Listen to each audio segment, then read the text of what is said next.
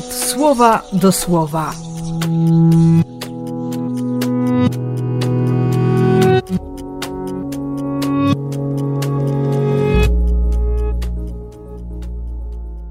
Dwudziesty lipca, czwartek.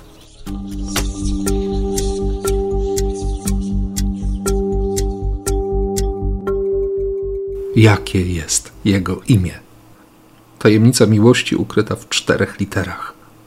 Bo zbawieniem jest świadomość tego, że, że jest Bóg obecny, nieustannie obecny, zaangażowany, cały dla, kochający tu i teraz. Bóg, dla którego nic nie będzie przeszkodą, bo On zdecydował się kochać Ciebie na wieczność, kochać nas na wieczność. Dlatego będzie nas posyłał, żebyśmy czynili go wiarygodnym. Przez miłość i miłosierdzie, byśmy byli żywym dowodem tego, że można do niego przyjść, bez względu na ciężar, na trud, na kłopoty, na grzech nawet, że można wejść z nim w jedno jarzmo, to znaczy iść krok w krok, że on będzie szedł z nami krok w krok.